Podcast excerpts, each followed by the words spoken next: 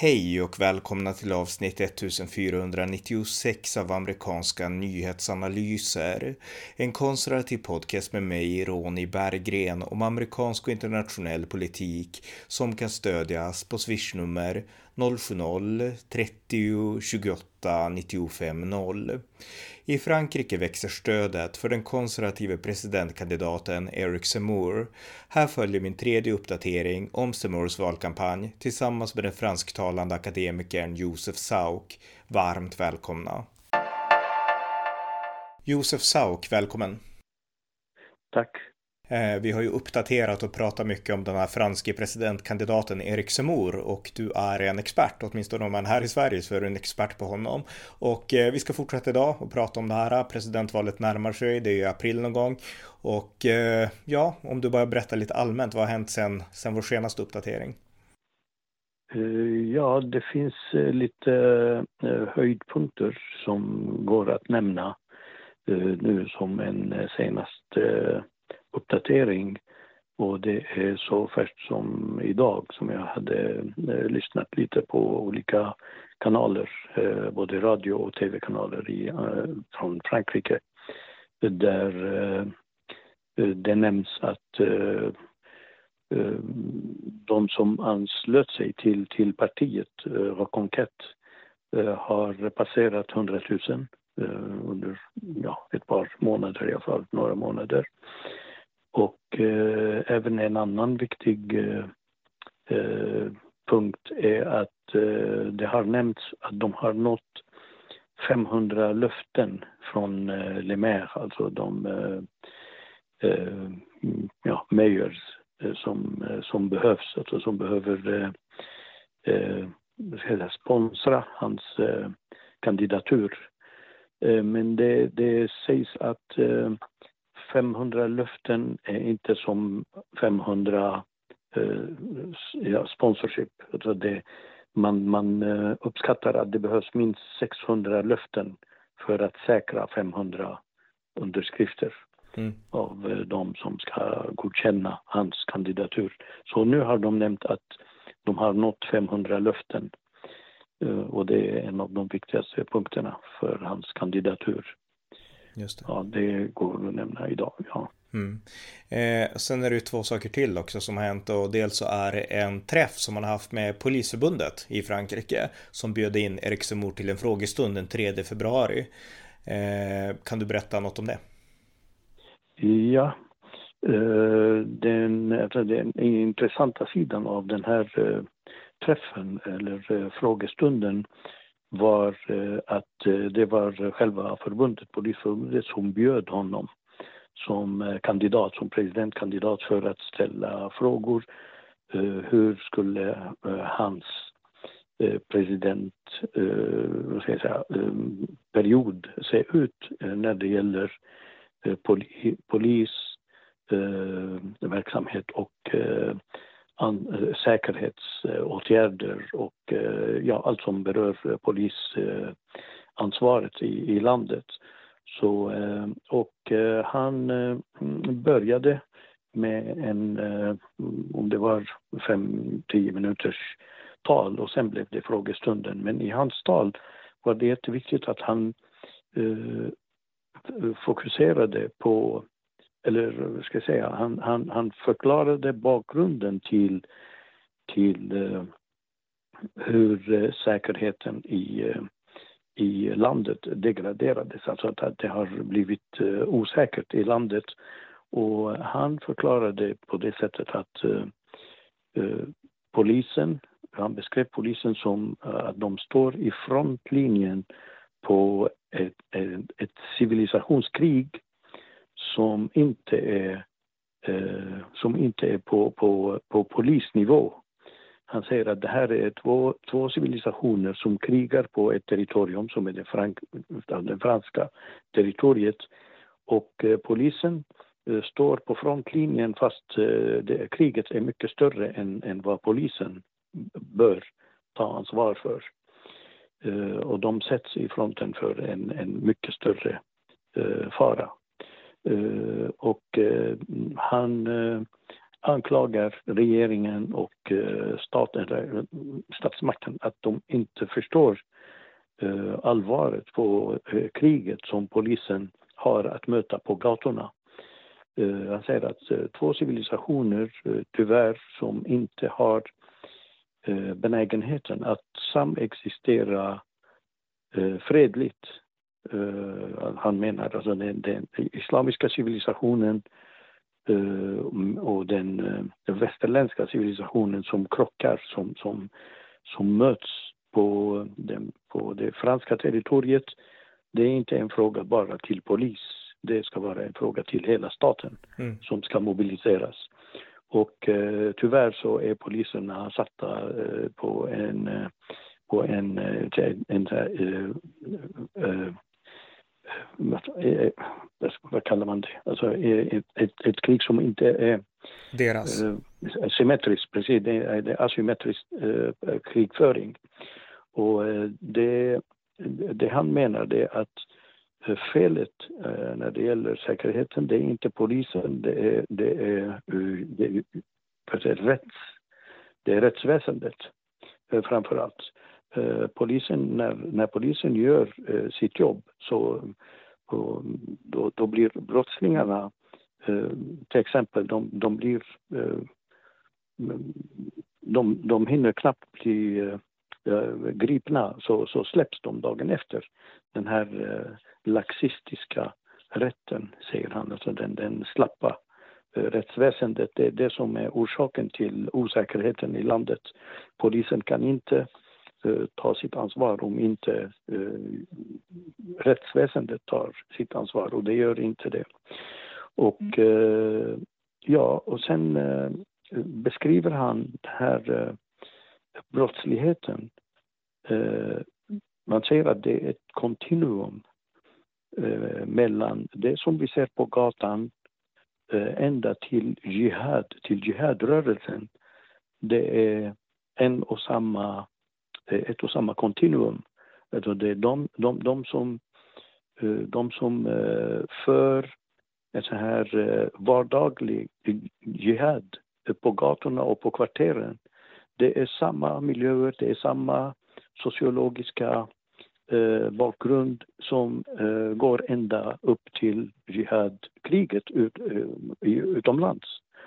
Eh, och eh, de som har eh, begått eh, massmorden och massakrerna i till exempel Bataclan och så, det är, det är samma miljöer. De, de kommer från samma miljöer. Det är de som krigar mot polisen och det gör att eh, balansen mellan de här två eh, krafterna, styrkorna, alltså brottslighetsmakten och polismakten. Eh, de, eh, polisen får, när, när den inte får stöd från rättsväsendet, då blir brottsligheten som tar över. Och det är det som, som är läget där. Och han säger att det är det här som, som är det felaktiga. Så vi, vi som stat, när jag, när jag blir president, så är det polisen som ska återfå rollen av jägaren och det är de brottslingarna som ska ha, som ska ha, som ska frukta. Det är de som ska vara rädda, inte polisen som idag. Han säger att idag är det polisen som inte vågar göra sitt jobb för eh, man blir beskylld för eh, olika eh, stigmatiseringsanklagelser. Att de blir beskyllda för ja, diverse ja, påhittade anklagelser som rasism eller olika eh, marxistiska eh, anklagelser alltså från de marxisterna, från vänsterpolitikerna och som, som har tagit över även, alltså han säger att även högerpolitiker i staten har anammat eh, vänsterns diskurs och de har, eh, det, det, har lett till att polisen känner sig i underläge. Eh, de vågar inte eh, ta sitt ansvar och göra sitt jobb. Och de måste känna sig övergivna också, skulle jag tro. Ursäkta? De måste känna sig övergivna också, skulle ja, jag gissa. Ja, precis. Exakt, exakt. Och det är det han, han säger, att, att är, idag är det polisen som är rädd att göra sitt jobb. Och han säger att rädslan när jag blir, när jag blir president så ska rädslan byta kamp, alltså byta, byta fält. Det, det, det, det, ska vara brottslingarna som ska vara rädda, inte polisen. Mm. Eh, och eh, som åtgärder så säger han att eh, nummer ett så ska, mm, när jag blir president så ska jag ge det, alltså de medel som polisen behöver, nummer ett. Nummer två, återge eh, rättsväsendet också det de behöver för eh, aktivisterna inom, eh, alltså bland juristerna också. Aktivisterna eh, hämmar eh, även de, de, den minoritet bland juristerna eller bland domarna eh, som, som skulle våga göra sitt jobb. De vågar inte göra det på grund av den här syndikalismen som är som är indoktrinerat i samma eh, uppfattning bland domarna också.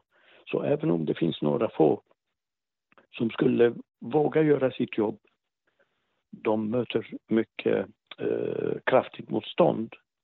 Utöver det kommer den här eh, eh, bristen på platser på, på eh, fängelser. Eh, han nämner att Eh, eh till exempel eh, eh, Macron hade lovat att, att, ge, att, att skapa många fler platser under, under hans mandatperiod. Och eh, de har, eh, han har lovat 10 000, han har inte nått 2 000.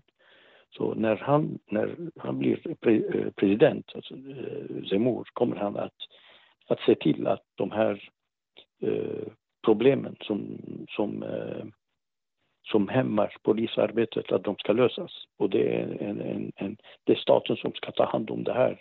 Poliserna på, på, på, på gatan kan inte lösa de här problemen eh, själva. Det är ingen, det är ingen polisfråga. Uh, och, och, det har, eh, det, det, alltså läget är så att uh, de här, uh, den här brottsligheten har aggraverats, alltså har blivit mycket sämre, mycket värre under under de här åren, de senaste åren. Mm. När man rekryterar fler poliser så, så ger man dem eh, ännu mera eh, byråkratiskt arbete istället för att få arbete på gatan så att säga. Det, det, det blir mycket mera kontorsarbete som inte hjälper mycket mot brottsligheten. Eh, ett exempel som han ger om att eh, hur polisen har eh, har backat eh, från, eh, från, eh, från, att möta, från att möta den här brottsligheten på rätt sätt. Eh, Framförallt ideologiskt. Eh, han tar ett, ett, exempel om eh, hur några poliser, eller kanske en eller flera poliser, jag kommer inte exakt exemplet, men han, tar, han, han nämner knäböjande poliser för för, för det som kallas för övervåld, alltså poli, polisiär över, övervåld. Eh, och eh, där eh, passar han på och eh, kritiserar eh, hårt eh, Macron, president Macron som har även nämnt uttrycket eh, la violence policière, alltså eh, polisvåldet. Och han säger att det här, det här, är, det här är helt oacceptabelt. Det, går, det finns ingenting som heter eh, polisvåld. Eh, polisen ska ha eh, monopol på våldet i, i, en, i, en, i, en, i en stat. Det, det, är just polisens uppgift att ha monopol på våldet. Det finns ingenting som heter eh, polisvåld. Så eh, han, han kritiserar det här också som, som koncept. Mm. Eh, så ja, alltså han, är, han är mycket strikt i den, här, eh, i den här punkten. Och han nämner även eh, ett exempel från en minister, alltså en inrikesminister som säger att uh, att, uh, ja, att det finns en känsla uh, av nej, att, att, att känslan ska väga, ska väga mer än rättvisan. Att, att, att det här rätt, rättsväsendet ska, ska väga in känslorna, inte bara rättvisan, alltså eh, rätten enligt lagen utan känslorna. Om, om de känner, om brottslingarna känner på ett visst sätt så ska det väga. Och han säger att det här är det, här är det mest idiotiska som, som har skett på 1500 år. Att, att, känslan, att känslan ska väga mer än lagen. Och, eh, ja, och han säger att det här med, med, med polisvåld, eh, det, själva konceptet existerar inte. Polisens roll är att, att representera eh, våldsmonopolen i en stat.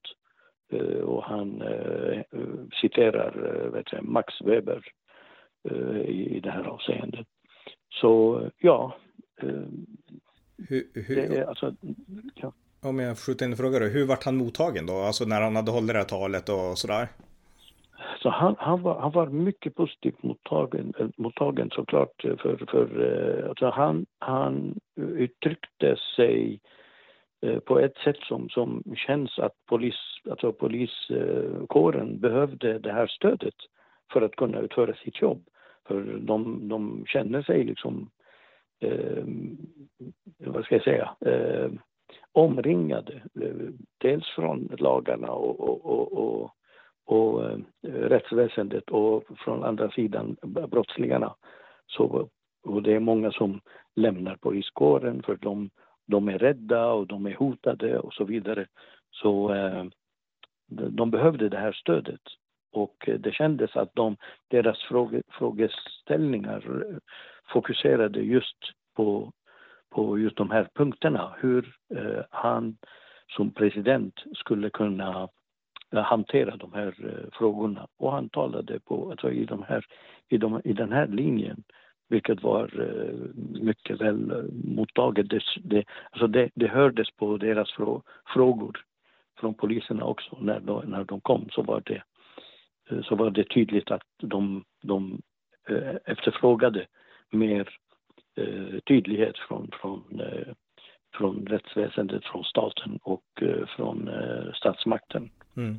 Det låter ju som att han, han verkar vara väldigt duktig på att blanda det här ideologiska. Han pratar om eh, en civilisationskonflikt mellan främst skulle jag tro islamisk civilisation och västerländsk civilisation. Jag menar, han låter ju nästan som Samuel Huntington och eh, han blandar det, han blandar det i kombination med praktiska konkreta åtgärder och det tycker jag verkar helt unikt. Eh, exakt. Och så det, det han eh, gjorde sin, alltså han, han introducerade hela talet med just den här, eh, den här eh, vad ska jag säga, presentationen. Att säga att här är det en konflikt mellan två civilisationer och två civilisationer som inte kan samexistera fredligt, tyvärr, säger han. Och, eh, och det är, I en stat så ska en civilisation råda inte ja, slåss om vilken civilisation som ska vara rådande.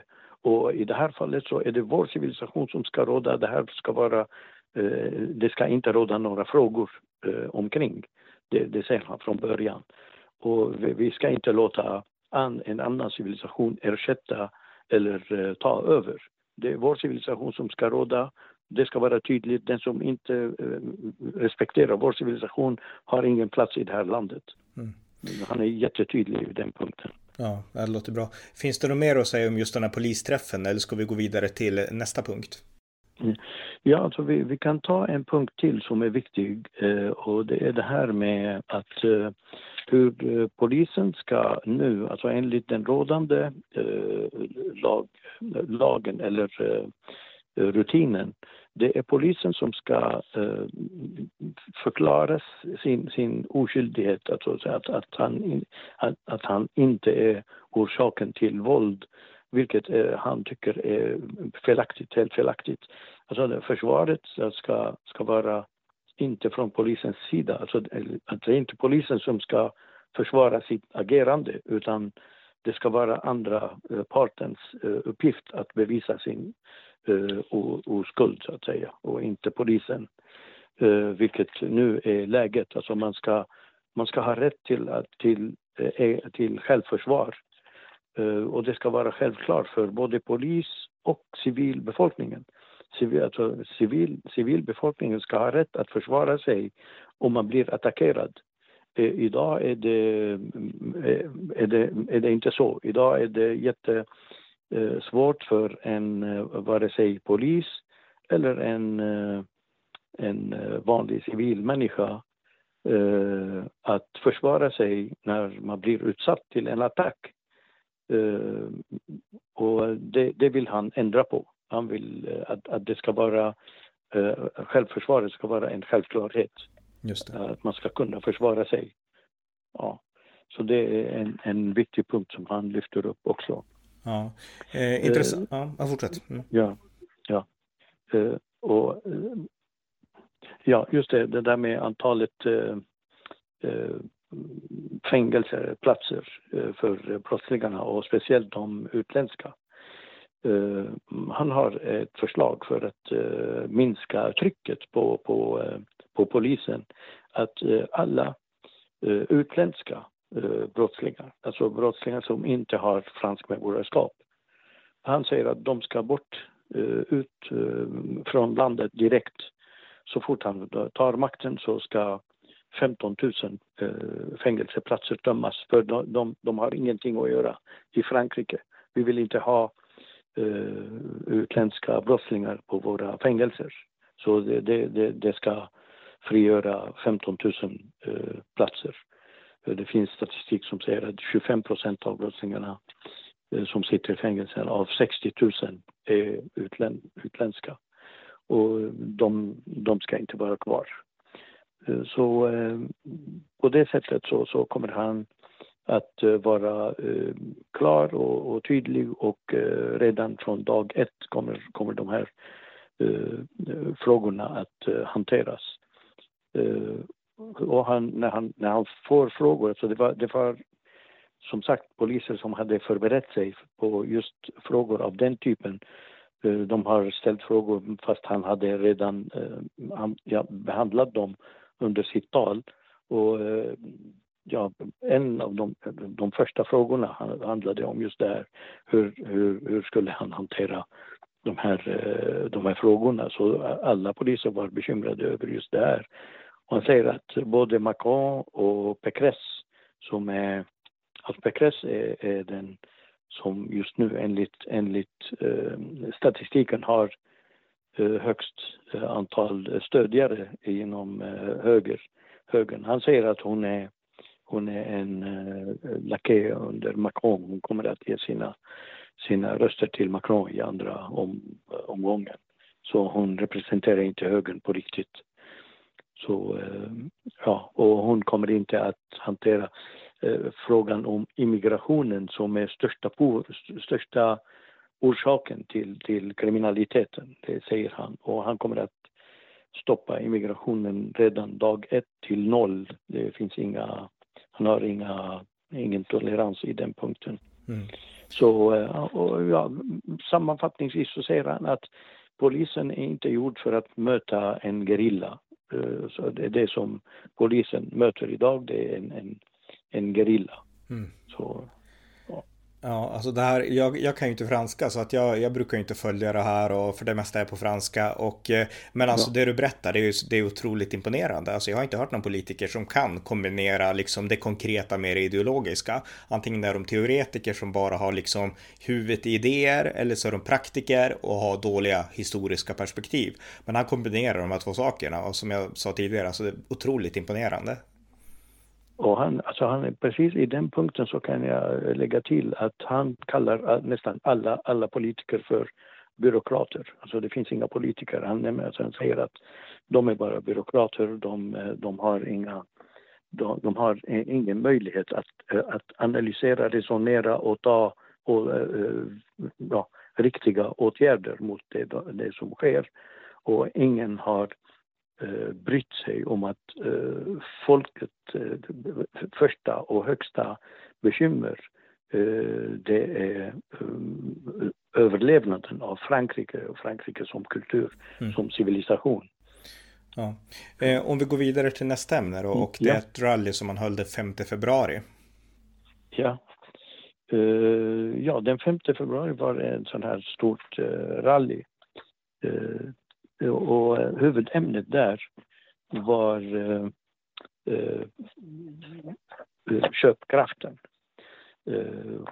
Ja, och det var många kandidater, alltså flera kandidater som tog upp den här och många journalister när de intervjuar honom var mycket fokuserade på att Eh, de var mycket, vad ska man, måna om att fokusera eh, talet omkring, eller frågeställningen, frågeställningen omkring köpkraften, vilket han tyckte eh, hela tiden var sekundär.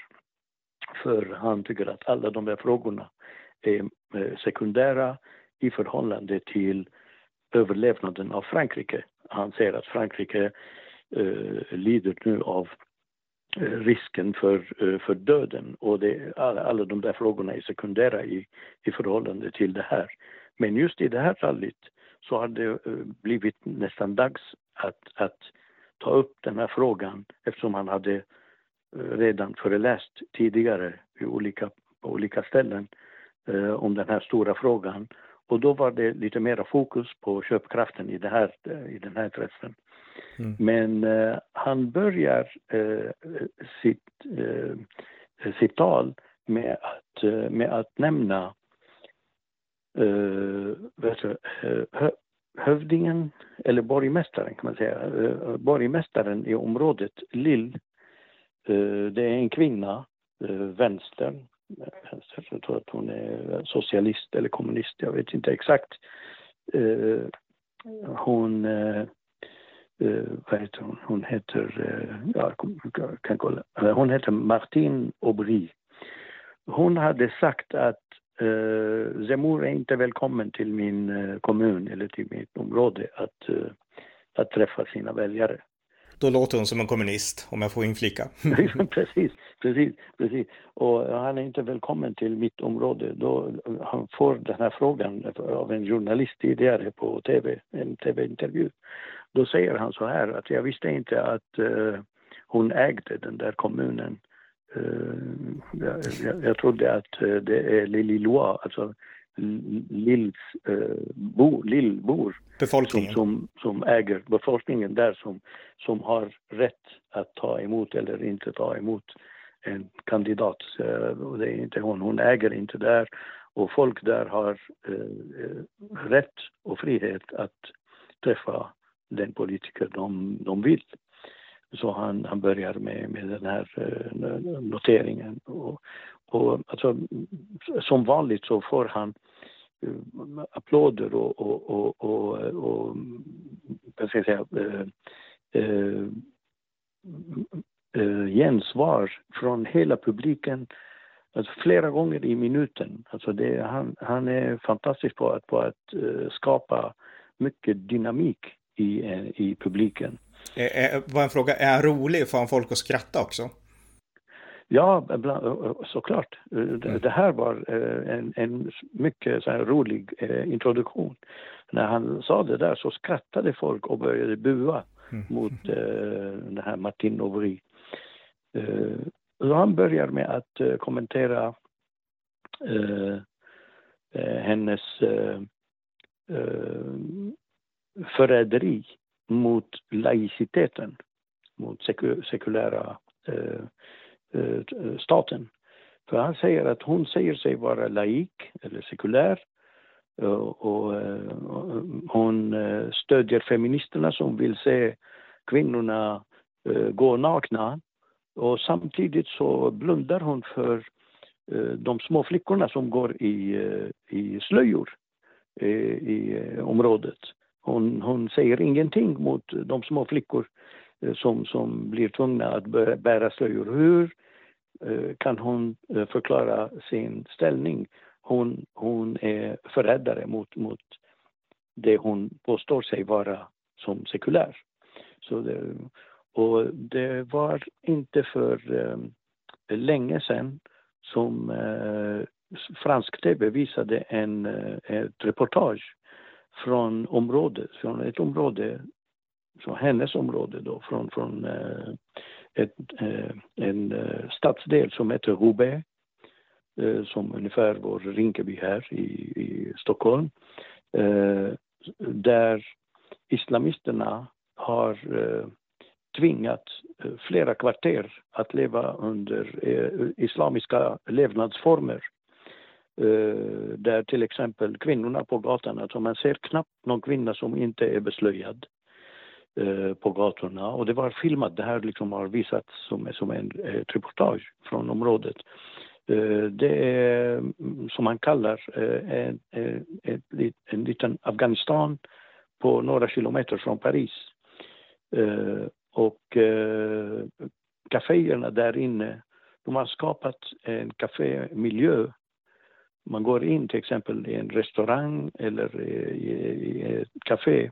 Där, där är det eh, eh, eh, gardiner som små slott som man har gjort det, slotts som små eh, rum med gardiner runt omkring för om, om kvinnor ska sitta där så ska de eh, vara skilda från män. Mm. Eh, och det är någonting som inte, eh, som man, man, kan inte föreställa sig att det här sker i Frankrike. Och det var en, eh, ett reportage som alla hade sett. Han, han kommenterar de där områdena och säger att eh, det här är förräderi mot, mot hela den franska civilisationen. Det ska ta slut. Det där ska vi sätta punkt för. Det där ska inte eh, fortsätta. Och den här eh, ideologin som, som eh, eh krigar mot, eh, mot vanliga fransmän och stödjer den här, eh, den här mode vi, alltså sättet att leva, det, det, ska inte vara, det ska inte få fortsätta i Frankrike. Och så, mm, sen börjar han gå mer in i, i eh, riktigt sådana här eh, frågor om arbete och lön. Och han säger att eh, det som, det som eh, kallas för köpkraft, det, vad är det egentligen? Ni hör olika kandidater nämna vad de, hur de ska öka eh, köpkraften genom att lägga till eh, kanske mm, någon hundralapp där eller ett par hundralappar där. Fast eh, köpkraften det skapas inte genom eh, kadå, alltså presenter från, från, från staten. Det är inte det som, som skapar köpkraft. För de här löftena som, som är ett par hundra kronor eller euros här mm. och där. De är tagna från era fickor för eh, det finns ingenting som heter gemensam kassa. Det är era pengar. Så att, att, att lura er genom att ta några, att ge er några, några hundralappar och ta dem från, från, från annanstans, det är inte en, en köpkraft. Det är ingen ökning på köpkraften. Eh, det är, den, eh, köpkraften försvinner när, eh, när staten tar era pengar i form av skatt för att spendera på, på för, att slösa bort i frågor som, inte är, som ni inte är intresserade av. Och den där ska vi hantera. Och, och, där nämner han till exempel det här med stora slöseriet på immigrationen. Det ska ta slut. Vi vill inte ha den här eh, stora immigrationen som kostar eh, mycket mer än, eh, än vad vi har eh, råd med bara för olika ideologiska Eh, ändamål. Så eh, det första som ska göras det är att eh, alla eh, som inte har skaffat jobb, alla eh, utlänningar, alltså immigranter som inte har jobb inom sex månader ska ut från, från landet. Och köpkraften när man inte slösar på att eh, ja, ge bostäder och olika sociala utgifter för uh, icke-medborgare. Uh, det, det, det, minskar köpkraften om man, om man, och det, det slöseriet ska man, ska man sluta med. Så det är stora, uh, i, stor, i stort vad han menar med köpkraft, eh, hur det ska regleras. Just det. Uh, ja. Mm. Ja, intressant. Finns det något mer att säga om rallyt eller ska vi avrunda det här samtalet? Uh, ja, jag kan titta här. Just det, han kallar det här finansieringen av migrationen en, som en finansiering av vår, vår, egen, vår egen ersättning den stora ersättningen. Alltså vi finansierar vår ersättning, vår egen ersättning. Alltså befolknings folk... befolkningsersättningen menar du alltså att folkbytet? Mm. Folk, precis, folkbytet. Vi betalar för folkbytet från för våra egna pengar. Uh, och han säger att vi ska vara stolta över att, att uh, få arbetet. Ska vara, att arbeta ska vara lönsamt. Och eh, vi ska minska, eh, jag ska minska skillnaden mellan, eh, mellan bruttolönen lönen och, och, eh, och nettolönen. För nu finns det jättestor eh, skillnad. Bruttolönen är för hög och nettolönen är för låg. Och den, den där skillnaden måste minska på, eh, genom att skatten ska inte gå till slöseri. Och han ger ett exempel på slöseri. Att han säger att under den tid när, när uh, vi inte uh, hade möjlighet att, att hantera uh, situationen under corona.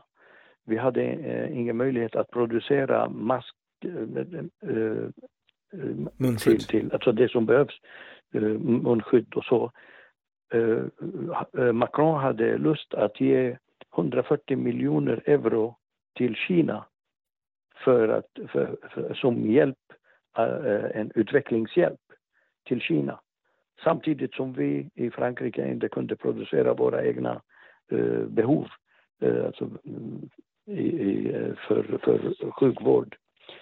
Eh, och eh, public service gjorde också samma. Det är en public service som hatar fransmän och eh, bara hyllar eh, eh, migrationen och migranter och terrorister. Han säger de, de, de, de är förtjusta i, i terrorister medan de hatar fransmän och eh, Skatteverket har inget bättre än att gå och jaga eh, de få kvar som har sina sina företag, sina firmor Eh, mindre företag och småföretagen. Eh, och det ska, det ska vi ändra på. Eh, pengar som, som har lagts... Alltså, han, han, säger att när, när, när vänsterpolitiker, när socialisterna talar så säger att den här brottsligheten, allt som, som, som, som de ser för problem de har bara en lösning till det, att det, det behövs mera pengar till de här eh, förorterna, förortplatserna. Och han säger att vi, när vi frågar om varför, varför brottsligheten är hög så hänvisar de till pengar. Varför arbetslösheten är hög så hänvisar de till pengar. Varför eh, utbildningen är dålig, de hänvisar till pengar. Alltså det är alltid för, för socialisterna, allt handlar om mera pengar.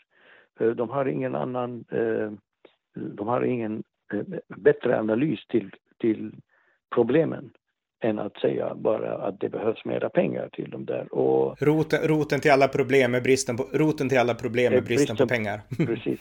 Och han säger att de, är, att de här förorterna är allt förutom bortglömda. De har, han säger, de har fått 100 miljarder eh, euro under de senaste tio åren och det är fortfarande där som det brister. Uh, arbetslösheten är där, eh, alltså, eh, alltså, proportionen av arbetslösheten i den eh, utländska befolkningen är 55 procent. Och eh, medan det är kanske 12 eh, procent inom den franska, alltså franskfödda eh, populationen. Eh, plus att 30 procent av, av eh, eh, eh födseln eh, i, i förorterna. Medan eh, i, de, eh, alltså i landområdet så finns det eh, brist på allting. Alltså det finns, allt som, ska, som behöver finansieras i, i, i, de, i, i, för, i, i, i alltså land, mm, land. på landet. Ja. Ja, det, det, finns inte allt, alltså all finans läggs på förorter hela tiden. Ja, så bara, bara, för att sammanfatta det du säger, bara för att sammanfatta det du säger, alltså ja. pengarna strömmar, storstadspolitikerna, de som sitter i Paris och så, de skickar pengar till förorterna med vanliga franska bönder, landsbygdsbor, de får ingenting. För ingenting, precis. Och därför säger han att jag ska göra tvärtom. det, det, ska, det ska uh, uppmuntras till att eh, eh landsbygden eh, ska stärkas. Eh, man ska stödja med, med finans, men inte bara med finans, men även med till exempel skolor och familjerna ska få stöd. Och han lovar varje familj, för, för varje nyfödd barn, nyfödd barn i, i landsbygden, 10 000 euro för varje uh, nyfött barn. Bara man är fransk, alltså, mm. uh, fransman.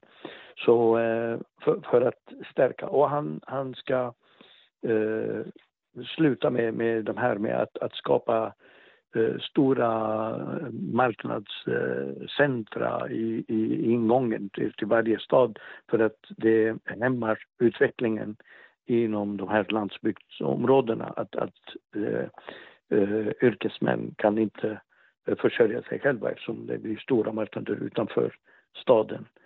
Så eh, ja, det är, det är några av de, av de projekt som han eh, tänker göra. Men sen det viktigaste med, med, med köpkraften. Han säger att till exempel eh, i, eh, i storstäderna och i förorterna så finns det Eh, kollektivtrafik, vilket inte finns i, i, i landsbygden. Därför är bilen, bilismen där, det är en nödvändighet. Och det är ingen lyx. Så eh, staten ska sluta bestraffa bilisterna med till exempel hög eh, bränslekostnad. Eh, det ska istället eh, lösas så att eh, de som eh, bilar till sina jobb i landsbygden ska ha rätt att få halva eh, kostnaden ersatt från eh, arbetsgivaren. Och arbetsgivaren ska ha rätt att dra eh, det från, eh, från skatten. Eh, det är så en, en, en jämförbar lösning mot det som sker i, i storstäderna. För där får man, eh, eftersom man har kollektivtrafik så kan man få ersättning, halva eh, kostnaden från arbetsgivaren. Det ska bli likadant även i landsbygden med bilismen. Eh, ja. Plus att eh, arbetsgivaren kommer att ha eh, möjlighet att eh, premiera till alltså, arbetstagarna med en trettonde eller fjortonde, även femtonde månads eh, belopp, månadslön utan eh, extra skatt.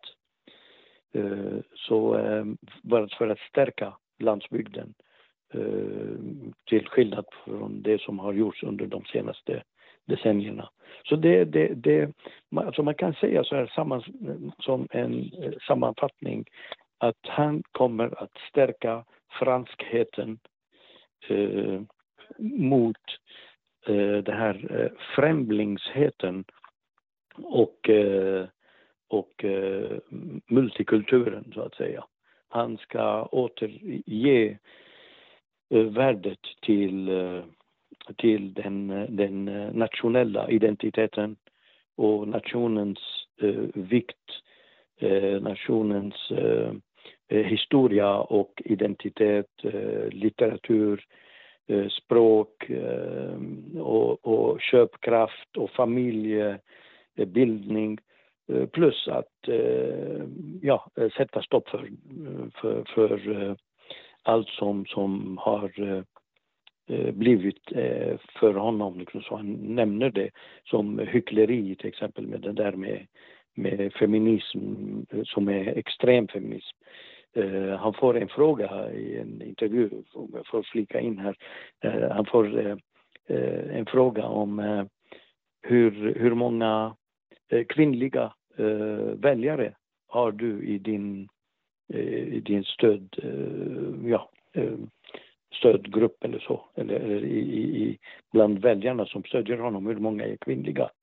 Då säger han, eh, Eh, svarar han journalisten, han säger att eh, kommer du att fråga Macron och eh, Marine Le Pen varför, varför de har fler kvinnliga väljare också. Då säger hon, men är det, är det fel att, att intressera sig för, för, för kvinnliga väljare? Då säger han ja, det är fel om man inte intresserar sig för manliga väljare. Mm. så, ja. ja alltså, han, han, alltså han, han är, vad ska jag säga, han är samtidigt ideolog och eh, som du sa, alltså han, han, han kan eh, kombinera, han kan eh, relatera nuläget, situationen, det verkliga, verk, alltså verkligheten, gatan, brottsligheten, ekonomin, externa, eh, utländska uh, utrikesrelationerna med ideologin. Mm. Idag hade han en, ett samtal, ett långt samtal med, med Trump. Okej. Okay. Uh, ja, och uh, han får, alltså när han kom ut från när, han, när journalisterna frågade honom så hade han mycket kortfattat svar. Han sa att Ja, eh, Trump sa att eh, han är jätteglad över att vi, vi finns och han eh, insisterar på att vi ska stå på oss och eh, fortsätta vår linje. Och det är det som han tycker att det är, eh, som han stärker, som han stödjer.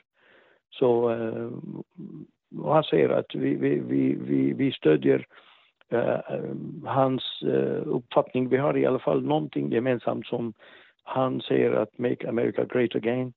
Han säger eh, Amerika måste vara amerikansk och vi säger att Frans, Frankrike måste vara fransk och där är vi överens om, både han och jag.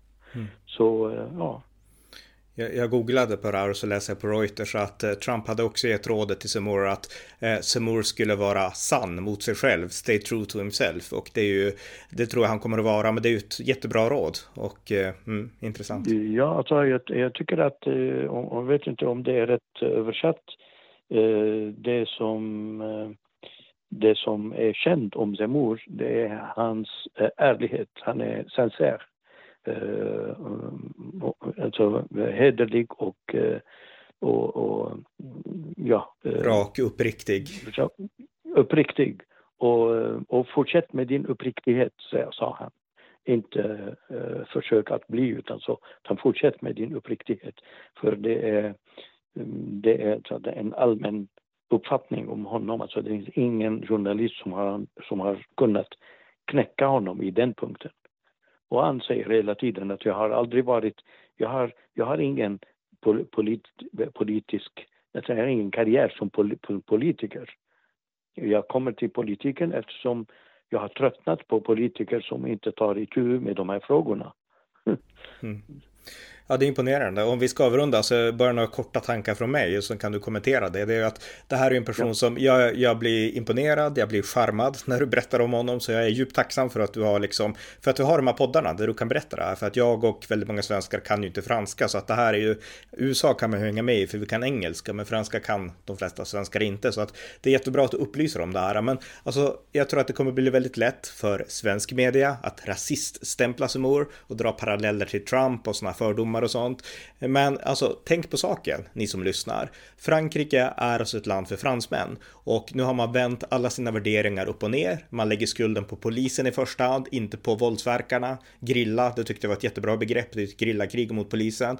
Eh, man liksom, man lägger skattetrycket på fransmän för att finansiera utlänningar. En dag så kommer Frankrike inte längre att kännas hemma för Frankrike, utan för mängder av människor från den arabiska världen, trots att det finns ungefär 57 arabiska länder redan och, eh, och så. Så att när en dag så kommer Frankrike inte att ha hemländer längre, vad ska fransmännen göra då? Det finns inget land de kan flytta till, kanske Kanada i och för sig, men, men liksom i princip inga. Medan de här araberna som kommer, de har en hel världsdel där de pratar arabiska, där de är muslimer. Likadant med Sverige. Jag menar, vi har gjort de undersökningarna i Sverige som visar att år 2050 i liksom ett worst case scenario så kanske det är 30% muslimer i Sverige och vad kommer det innebära för svenskar? Kommer vi känna oss hemma med våra värderingar, våra vanor, våra sätt att tänka? Och om vi inte gör det, vart ska vi ta vägen då? Finns det något stort land ute i världen som talar svenska dit vi kan komma och känna oss hemma? Okej, okay, kanske Finland, en del av Finland. Men alltså, svaret är ju att det finns inte, utan vi måste bara vara våra länder för oss. Och normala folk överallt, de tänker på sitt eget land först och sen tar de itu med andra länder och hjälper andra. Men vi på något sätt har fått det här helt spegelvänt och det är det som jag tycker är Somors styrka, att han sätter fingret på problemet som vi har med vårt eget tänkande. Han sätter fingret på, på vilka problematiska konsekvenser det har lett till och sen så visar den också vad vi måste göra för att vända skutan. Alltså han säger inte att det är kört, utan han säger att om vi liksom tänker rätt och börjar agera rätt, då kan vi liksom rädda vår civilisation. Så jag tycker att han är konkret och så är han samtidigt positiv. Och det är ju liksom, det är imponerande. Jag tycker att det, det är precis eh, som han uttryckte det idag redan. Eh, han, han sa exakt att det här förstår vanligt folk. Jag har pratat med vanligt folk i Frankrike och jag, jag sa till dem just det här vill ni att era barn, hur, hur, hur kommer de att, att behöva leva? Eh, kommer de att, eh, våra döttrar, kommer, accepterar ni att de någon gång i framtiden att bli tvungna att bli beslöjade för att majoriteten eller för att normerna har, har ändrats. Det förstår fransmännen direkt när han säger, när han säger så, när jag, när jag pratar med dem. Så jag tycker att det är precis som du uttryckte det. Mm. Ja. Eh, tack så mycket Josef för den uppdateringen. Tack. Det var avsnitt 1496 av amerikanska nyhetsanalyser. En podcast som finns för att ge det konservativa perspektiv på världen som inte ges i Sverige. Stöd gärna podden på swishnummer 070-30 28 95 0 eller via hemsidan på Paypal, Patreon eller bankkonto. Tidigare avsnitt om Eric Seymour är först poddavsnitt 1419 från den 31 oktober 2021. Därtill avsnitt 1465 från den 19 januari i år. Poddavsnitten hittas enklast i amerikanska nyhetsanalysers poddarkiv på usapool.blogspot.com. Det var allt för idag. Tack för att ni har lyssnat.